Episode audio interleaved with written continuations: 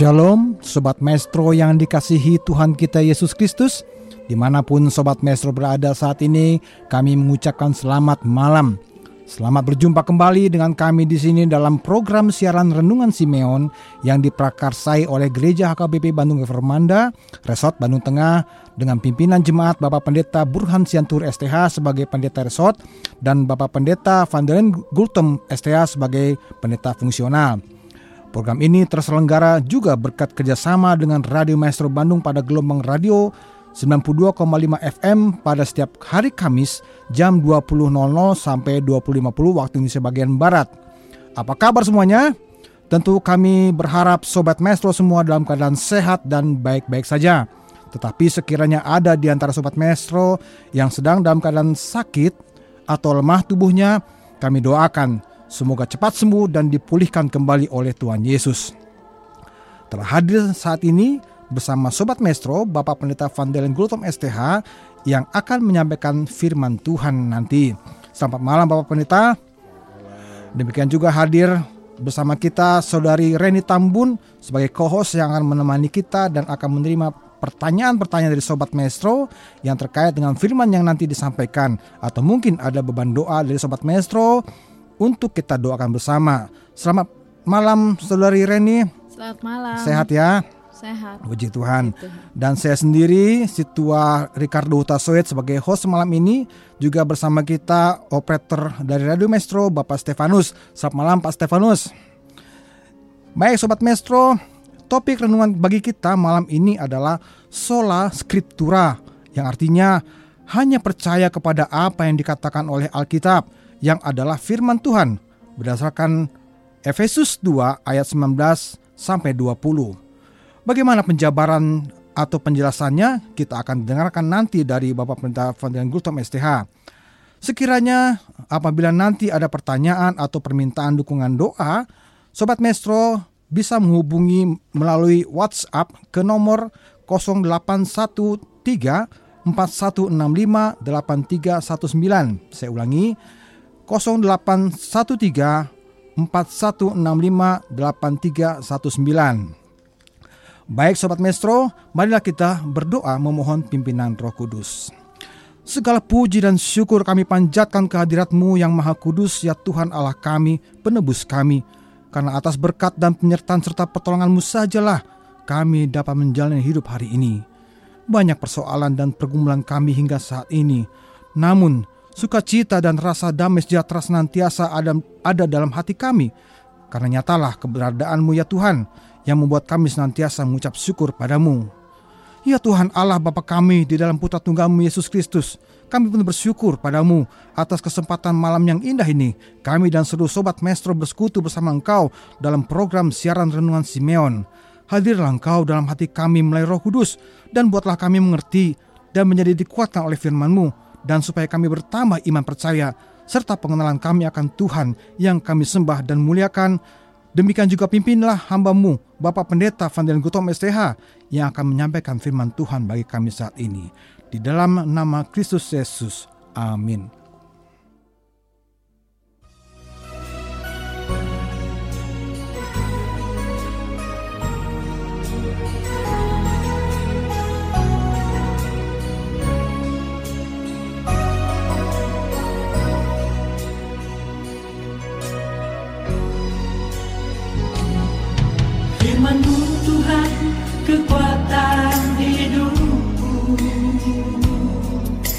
Sabdamu Tuhan penyejuk jiwaku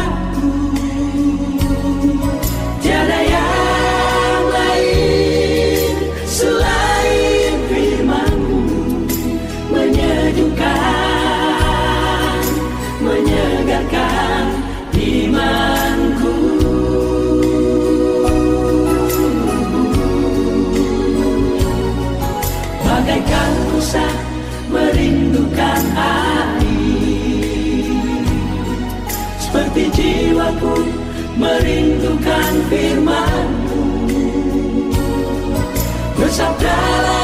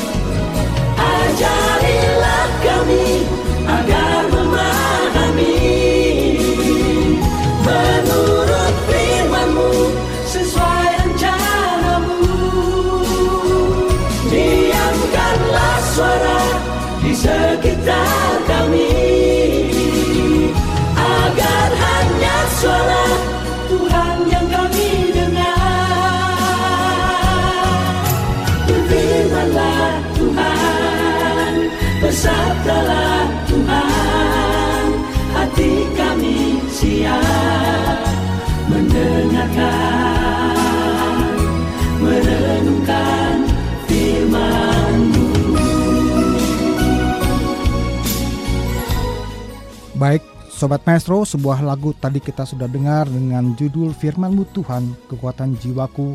Kiranya boleh membuat Sobat Maestro saat ini boleh menyiapkan hati untuk sejenak kita akan masuk firman Tuhan.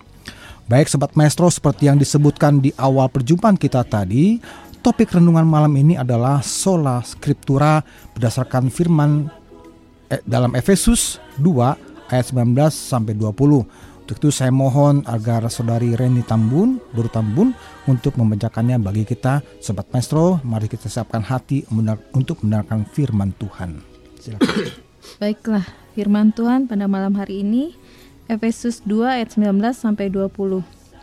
Demikianlah kamu bukan lagi orang asing dan pendatang, melainkan kawan sewarga dari orang-orang kudus dan anggota-anggota keluarga Allah yang dibangun di atas dasar para rasul dan para nabi dengan Kristus Yesus sebagai batu penjuru.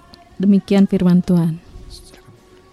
Terima kasih buat Saudari Reni yang telah membacakan firman Tuhan. Sahabat Maestro yang terkasih dalam Kristus Yesus, pada malam hari ini kita akan disuguhkan satu tema yang menarik dari ajaran Martin Luther, yaitu sola scriptura hanya oleh kitab suci adalah firman Tuhan. Saudaraku yang terkasih dalam Kristus Yesus, gereja pernah mengalami kesesatan. Dengan mengajarkan bahwa dengan memiliki surat pengampunan dosa, maka seseorang akan diselamatkan dari dosa. Lalu pertanyaan yang timbul adalah, Apakah semua orang mampu memiliki surat pengampunan dosa tersebut? Sebab untuk memilikinya diperlukan sejumlah uang sehingga dia memiliki surat pengampunan dosa. Itu makanya pernah saya katakan tadi gereja pernah mengalami kesesatan. Mengetahui hal yang demikian Martin Luther seorang biarawan Jerman pada tanggal 31 Oktober 1517. Ia menempelkan 95 dalil di depan pintu gereja Wittenberg sebagai protes atas praktek-praktek kesalahan gereja. Tindakan ini memicu terjadinya perlawanan atas kekeliruan gereja. Tanggal itu kemudian diperingati sebagai hari reformasi gereja. Salah satu dari ajaran Martin Luther adalah tema renungan Simeon kali ini yaitu sola scriptura yaitu Alkitab memiliki otoritas tertinggi dalam menentukan tindakan dan ajaran Allah.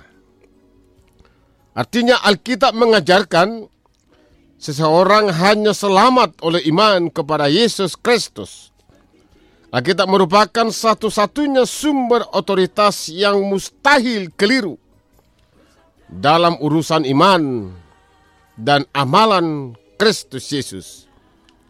Doktrin ini dianut sejumlah denominasi Kristen Protestan.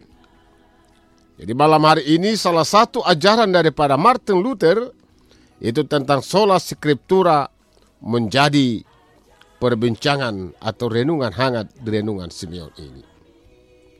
Sahabat maestro yang terkasih dalam Kristus Yesus, setiap orang Kristen mempunyai dua kewarganegaraan yang tidak dapat dipisahkan. Kita tentu menjadi warga negara Republik Indonesia yang kita cintai, yang tinggal di negara RKRI ini. Namun juga sekaligus warga negara kerajaan sorga. Itu harus diingat. Dalam Efesus 2 pasal 8 disebutkan, Sebab karena kasih karunia kamu diselamatkan oleh iman. Itu bukan hasil usahamu, tetapi pemberian Allah. Artinya, dengan iman atau yang sering disebut sola fide, kita diselamatkan sehingga menjadi suatu warga negara, yaitu warga negara kerajaan surgawi. Maka jelas dikatakan, demikianlah kamu bukan lagi orang asing dalam renungan ini. Kamu bukan lagi orang asing atau pendatang, melainkan kawan sewarga dari orang-orang kudus dan anggota-anggota keluarga Allah. Paulus sudah menyatakan bahwa bangsa-bangsa yang kala itu non-Yahudi dahulu tidak termasuk ke warga negara Israel. Artinya mereka bukan umat perjanjian dengan segala keistimewaan dan kelebihannya. Mereka dipandang sebelah mata. Mereka hanyalah masyarakat kelas dua. Keadaan mereka dahulu dapat digambarkan dengan sebutan orang asing dan pendatang. Memang tidak mudah membedakan kedua arti ini karena sangat berkaitan. Bahkan dalam beberapa kasus ini sinonim. Jika perbedaan tetap ingin dilakukan antara orang asing dan pendatang, maka orang asing mungkin lebih ke arah pelancong, sedangkan pendatang ke arah orang yang diam bersama tetapi berasal dari tempat lain. Tetapi Paulus mau menekankan bahwa orang-orang non-Yahudi yang dulu tidak pernah menjadi warga Israel sekarang disebut menjadi kawan sekerja. Kewarganegaraan di sini jelas bukan untuk pada teokrasi Yahudi, tetapi pada kerajaan Allah. Mereka bukan hanya sewarga dengan orang-orang Yahudi Kristen, tetapi kawan sewarga dari orang-orang kudus. Sebutan ini merujuk pada suatu atau kepada seluruh orang percaya di tempat-tempat lain.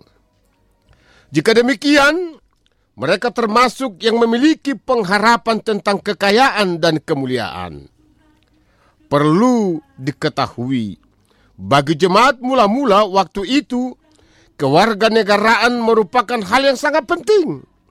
Menjadi warga negara berarti memiliki hak dan keistimewaan tertentu.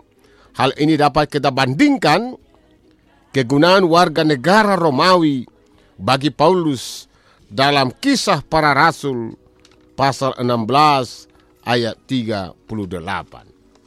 Saudaraku yang terkasih dalam Kristus Yesus. Sekarang Paulus perjelas lagi pengertian yang lebih mendalam di mana perpindahan metafora dari warga negara ke keluarga.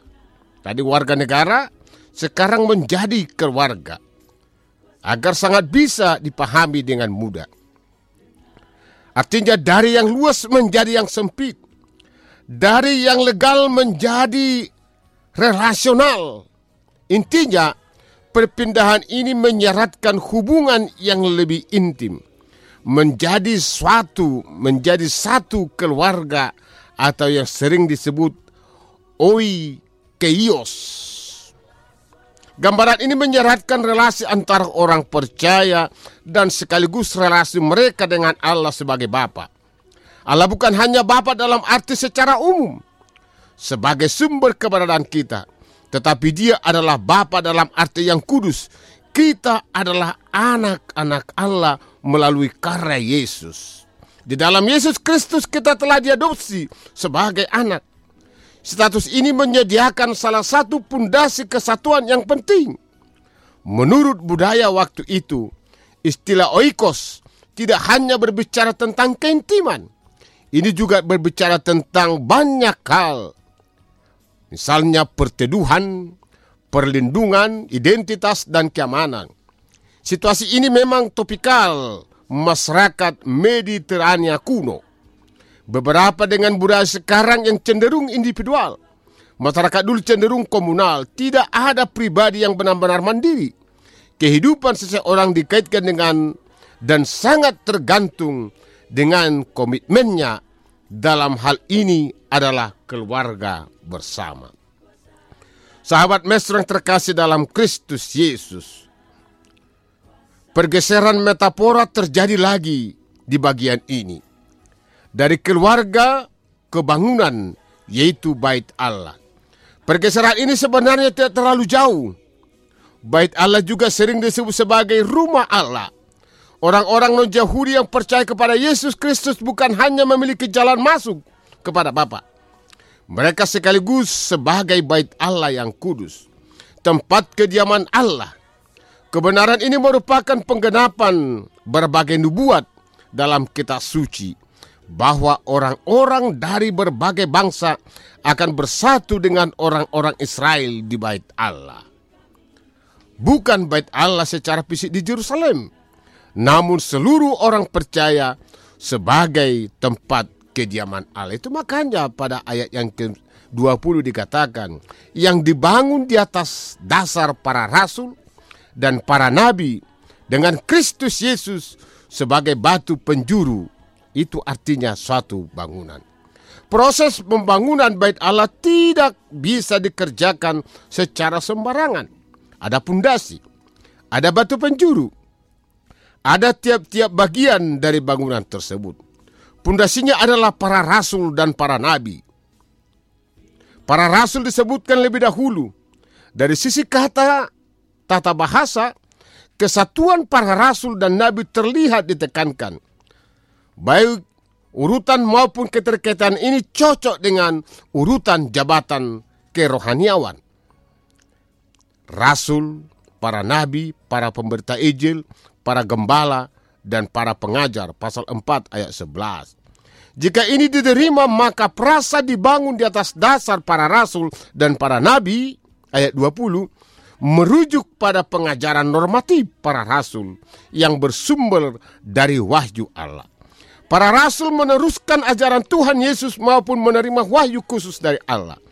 Para nabi meneguhkan pengajaran itu melalui pewahyuan ilahi apa yang roh nyatakan dahulu melalui para rasul dan para nabi sudah tercatat di dalam kitab suci. Apa yang tertulis di sana tidak bisa diubah atau dibatalkan. Sama seperti sebuah pundasi tidak mungkin diubah tanpa menggoncang seluruh bangunan. Demikian pula gereja harus tetap berdirikan di atas kitab suci.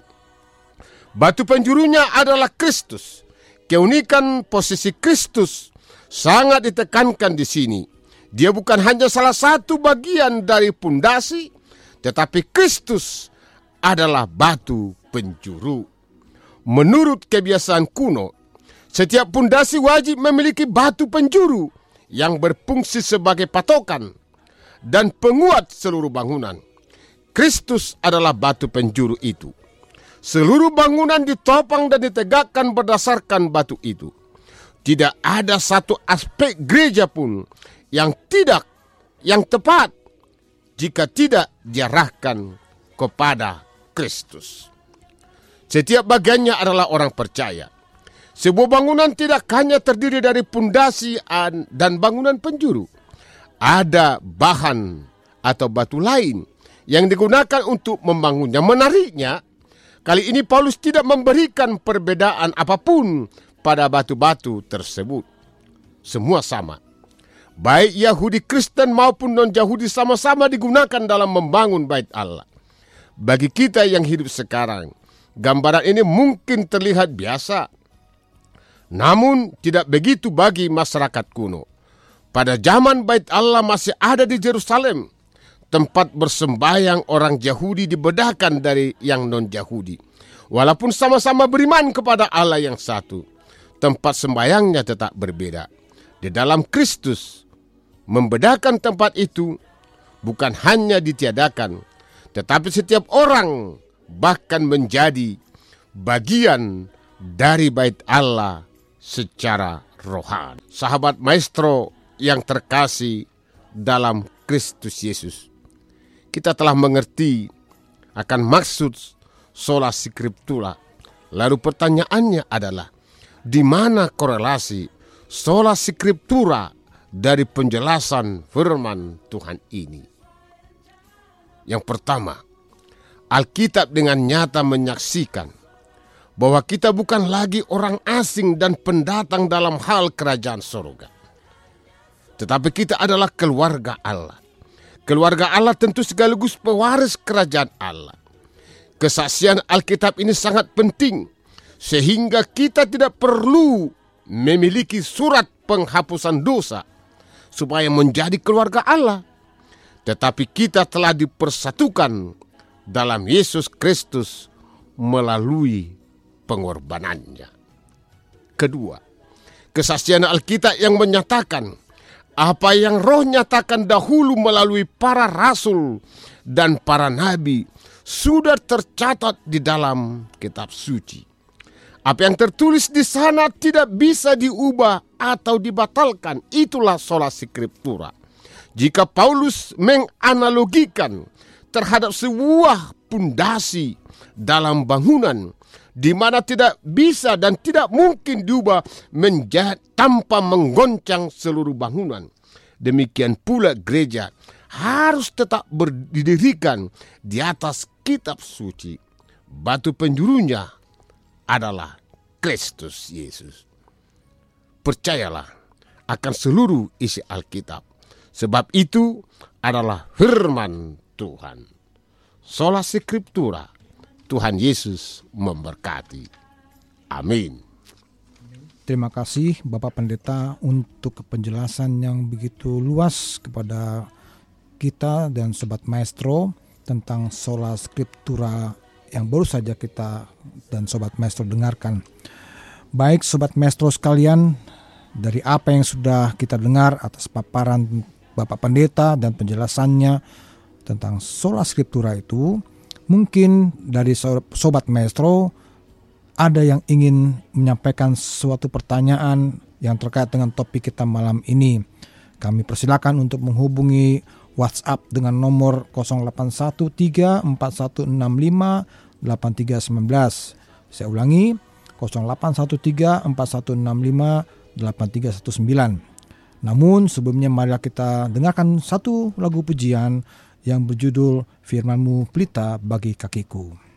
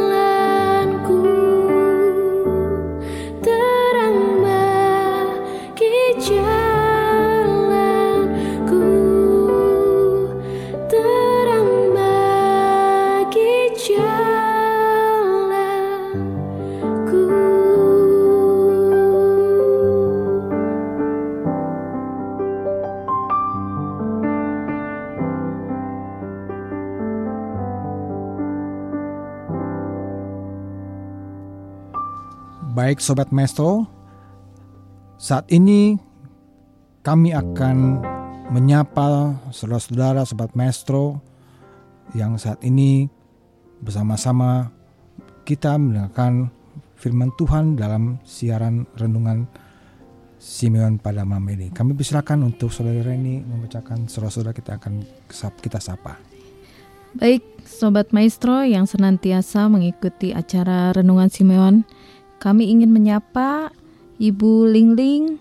Terima kasih atas dukungannya untuk Renungan Simeon. Ada juga Ibu Cisyua, Ibu Sihombing Boru Pasaribu, Ibu Lucy Sihombing, Ibu P. Hasugian Boru Aritonang, Ibu Sitorus Boru Manurung, keluarga Simatupang Boru Sipahutar di Sawah Kurung, keluarga C. Dolok Saribu Boru Silitonga, ada juga keluarga J. Sinaga Boru Panggabean, keluarga PJ Marbun, Ibu Silitonga Boru Tampu Bolon di Citra Antapani, Sintua Nyonya Pangaribuan Boru Arungan, selamat ulang tahun, panjang umur dan sehat selalu.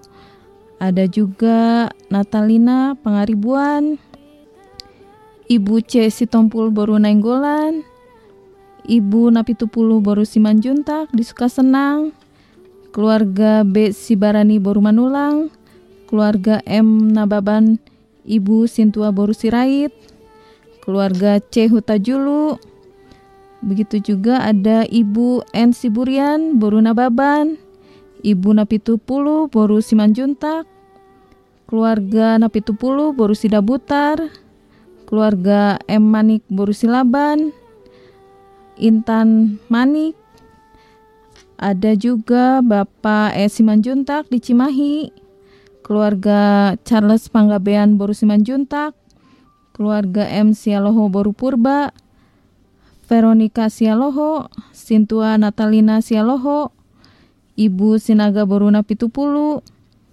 ada juga keluarga D. Sinaga Boru Samosir, Ibu M. Gultom Boru Sitompul, keluarga R. Sirait Boru Hutajulu, Niken dan Dara Sirait, keluarga Petobing Boris Tompul, Ibu Sianturi Boris Sihombing di Jalan Pleret, keluarga Sintua SPH Marbun Boru Purba, Ibu Katelina Boru Nababan, Ibu Adelina Boru Nababan, ada juga Ibu Silalahi Boru Manurung di Kancra, keluarga Situmorang Boru Tapea, Riana Pardede, Juliana Marpaung, Sintua Tiur Sihombing, Ria Sihombing, Christian Gultom, ada juga keluarga Sidabutar Ibu Sintua Sinaga, Majelis HKBP Bandung Reformanda, Seksi Lansia dan Inahana HKBP Bandung Reformanda,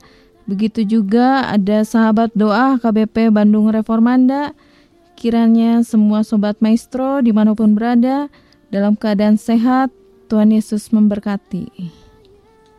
Baik, kami juga mau menyapa untuk kepanitiaan pertama panitia Pesta Huria atau Pesta Jemaat, Pesta Gotilon yang saat ini kepanitiaannya dipegang oleh uh, kumpulan Bapak atau seksi AMA.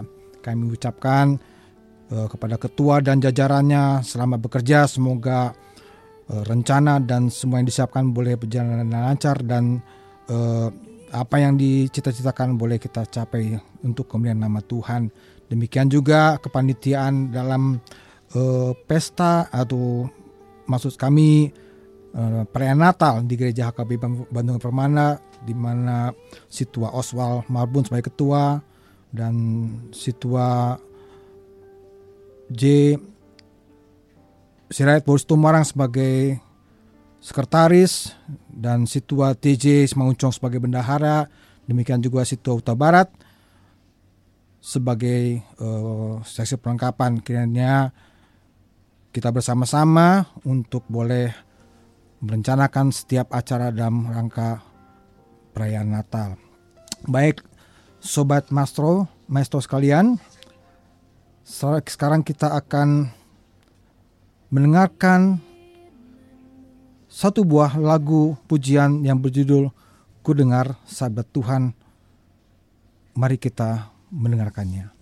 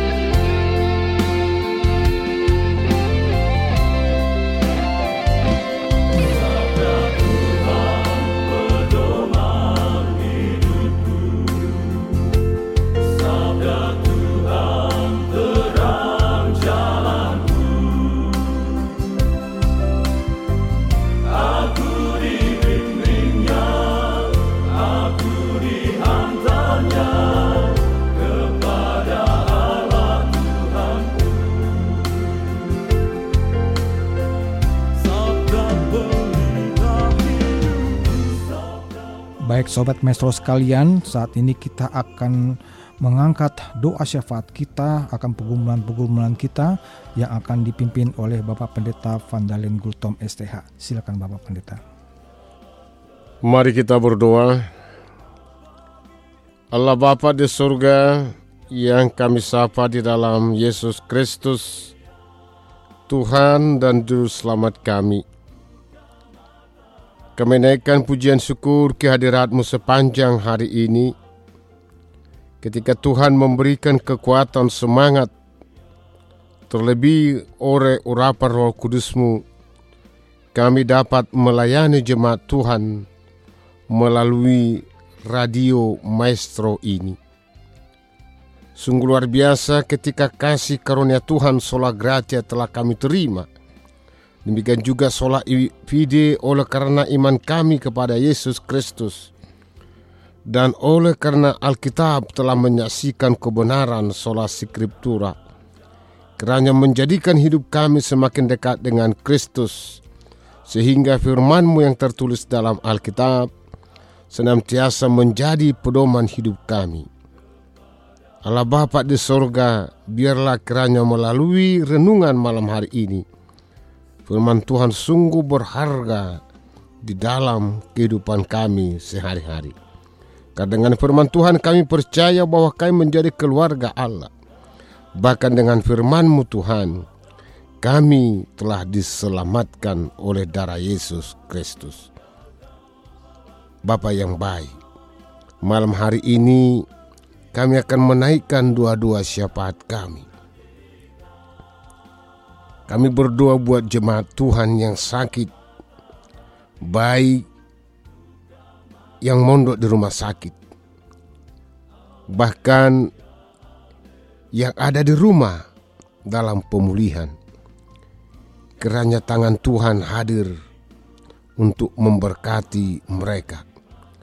Memberkati keluarga yang memberikan semangat, memberkati obat, memberkati dokter dan para medis, sehingga mereka dapat disembuhkan oleh karena kasih karunia Tuhan. Kami berdoa buat Bapak SR Sibarani, buat Bapak Depak Pahan, buat Ibu Penatua Apak Pahan Bolu Tapu Bolon, buat Bapak Penatua E Silain, buat Ibu Panjaitan Boru Nadea. Buat bapak penatua Pi Pangaribuan. Buat ibu Sibarani Boru Manulang. Buat ibu Tapu Bolon Boru Samosir. Ibu Rotua Marbun Boru Purba. Ibu Sihombing Boru Pasaribu. Ibu Sinaga Boru Napitupulu. Bapak Penatua KM Panggabean Bapak DJ Situmorang, Bapak WHS Tapubolon, dan saudara kami David Tapubolon. Keranya Tuhan senantiasa memberkati setiap obat yang mereka makan. Biarlah keranya kasih karunia Tuhan mengalir buat jemaat Tuhan yang sakit. Sehingga dengan kasih karunia Tuhan, mereka disembuhkan. Kami berdoa buat keluarga Nyonya Situmorang dengan ibu yang minggu yang lalu berduka. Kerana Tuhan menghibur mereka.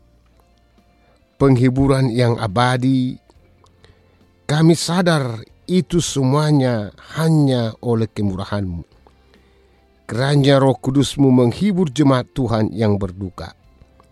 Sehingga mereka menatap jauh ke depan. Masih ada rencana yang terbaik. Di balik duka cita, Tuhan akan menganugerahkan sukacita yang sungguh luar biasa. Kami berdoa buat jemaat Tuhan yang merindukan keturunan. Terkhusus buat keluarga Isinulinga Yeti Boru Hutahayan yang haus akan berkat Tuhan melalui keturunan. Biarlah setiap program mereka untuk menerima berkat Tuhan yaitu keturunan Tuhan berkati bahkan Tuhan anugerahkan yang sungguh luar biasa buat keluarga tersebut. Kami yakin dan percaya buah kandungan itu adalah anugerah Tuhan. Maka karuniakanlah buat jemaatmu buah kandungan yang menjadi sukacita mereka dan sekaligus sukacita gerejamu. Allah Bapa di surga kami juga berdoa buat jemaat Tuhan yang mengecap kebaikan dengan bertambahnya usia mereka. Jemaat Tuhan yang berulang tahun, kerana Tuhan memberkati mereka menyempurnakan sukacita mereka, sehingga semak, mereka semakin bersukacita dengan bertambahnya usia mereka. Biarlah senantiasa Tuhan hadir menyempurnakan sukacita jemaatmu. Kami juga berdoa buat setiap pelayanan gerejamu HKBP Bandung Reformanda. Baik di dalam kategori al maupun ibadah minggu, kerana Tuhan senantiasa memberkatinya. Kami tahu Tuhan bahwa Tapanuli pada 1 Oktober yang lalu diguncang oleh gempa sehingga terjadi bencana alam. Kerana Tuhan memulihkan yang dilululantahkan gempa tersebut pembangunan kerjasama dengan pemerintah dapat terlaksana dengan baik sehingga mereka yang ditimpa bencana gempa dapat merasakan kebaikan Tuhan. Kami sadari Tuhan bahwa pemerintah adalah perpanjangan tangan Tuhan untuk memulihkan situasi gempa tersebut. Kami juga berdoa buat bangsa dan negara kami ini. Kerana Tuhan menganugerahkan bijaksana dan hikmat buat presiden kami, Bapak Jokowi dan seluruh dengan wakil presiden dan para menteri, bahkan para yang mengambil kebijakan sehingga negara Republik Indonesia yang kami cintai ini hidup penuh damai sejahtera. Sekalipun ada perbedaan, kami syukuri perbedaan itu indah, terkhusus buat kota Bandung yang kami cintai. Tempat kami hidup, tempat kami berkarya, tempat kami melayani. Karena Tuhan memberkati kota Bandung ini sehingga menjadi kota yang penuh dengan damai sejahtera. Allah Bapa di sorga, Radio Mestro, kami berdoa buat pemilik dan kriu. Biarlah Radio Mestro ini menjadi saluran berkat untuk menyampaikan kabar firman Tuhan bagi setiap yang rindu akan kebenaran firman-Mu. Ke dalam tanganmu kami serahkan pemilik dan kru, sehingga mereka tidak jemu-jemu untuk berbuat baik dan sekaligus menjadi saluran berkat-Mu. Karena Tuhan menghapuskan dosa kami, agar kami layak disebut sebagai anak-anakmu. Doa kami ini kami naikkan hanya di dalam satu nama, yaitu Yesus Kristus, Tuhan dan Juru Selamat kami yang hidup. Anugerah Tuhan kita Yesus Kristus, kasih setia dari Bapa Sorgawi, serta persekutuan dengan Roh Kudus, senantiasa beserta saudara sekalian. Amin.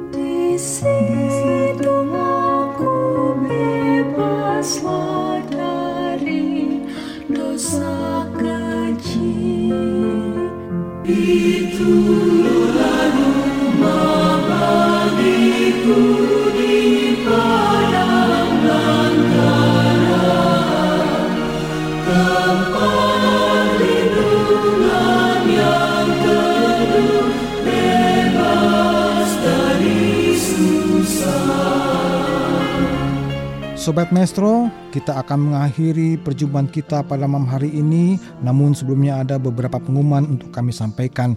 Yang pertama, Gereja HKBP Bandung Formanda akan mengadakan Pesta Huria, Pesta Gotilon pada tanggal 6 November tahun 2022. Kegiatannya ada beberapa kegiatan di antaranya perlombaan dan bisa kita lihat nanti acaranya schedule ditanyakan kepada penatua gereja dan pada malam puji pada 4 November ada acara malam pujian. Dan kami menghimbau untuk seluruh jemaat HKBP Bandung Permanda untuk ikut serta dalam menyampaikan ucapan syukurnya dan yang, yang terbaik untuk Tuhan dan ikut serta dalam kegiatan pesta Huria Pesta Kultur ini. Yang kedua, kebaktian Gereja HKBP Bandung Reformanda ada dalam empat waktu, jam 7 pagi bahasa Indonesia, jam 9 pagi sekolah minggu, jam 11 bahasa Batak dan, dan, dan jam 6 16.30 bahasa Indonesia. Baik Sobat Maestro, yang dikasih Tuhan akhirnya tibalah kita di penghujung acara. Tetaplah untuk senantiasa berharap pada Tuhan dan percaya dia selalu ada bagi orang-orang yang berseru memanggil namanya untuk menolong umatnya. Sampai bertemu kembali di acara yang sama minggu depan di hari dan jam yang sama. Tuhan Yesus memberkati kita semua. Shalom.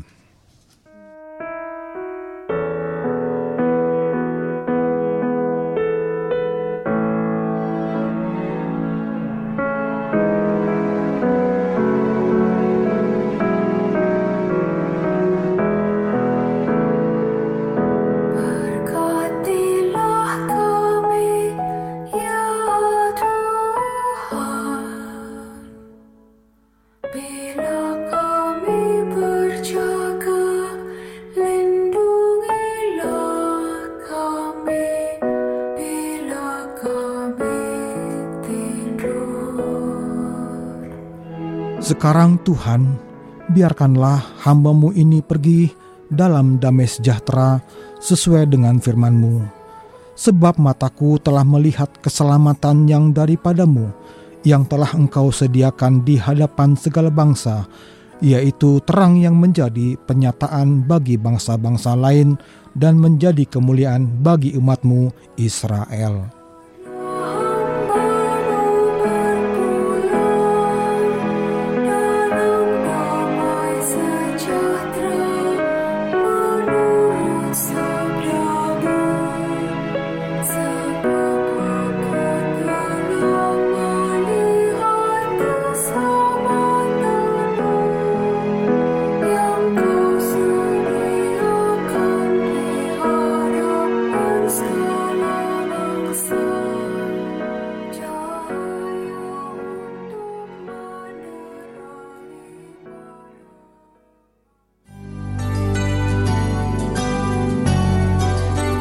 Maestro, Anda baru saja mendengarkan program Renungan Simeon bersama HKBP Bandung Reformanda dengan tempat ibadah di Jalan Sumedang nomor 2 Bandung. Fon 0813 4165 8319. Kebaktian Umum Bahasa Indonesia pukul 7. Kebaktian Umum Bahasa Batak pukul 10.30. Kebaktian Sekolah Minggu pukul 9. Kebaktian umum dan kebaktian sekolah minggu dilaksanakan on-site dengan protokol kesehatan dan online melalui kanal YouTube dan Facebook @HKBP Bandung Reformanda. Terima kasih atas kebersamaan Anda. Tuhan Yesus memberkati.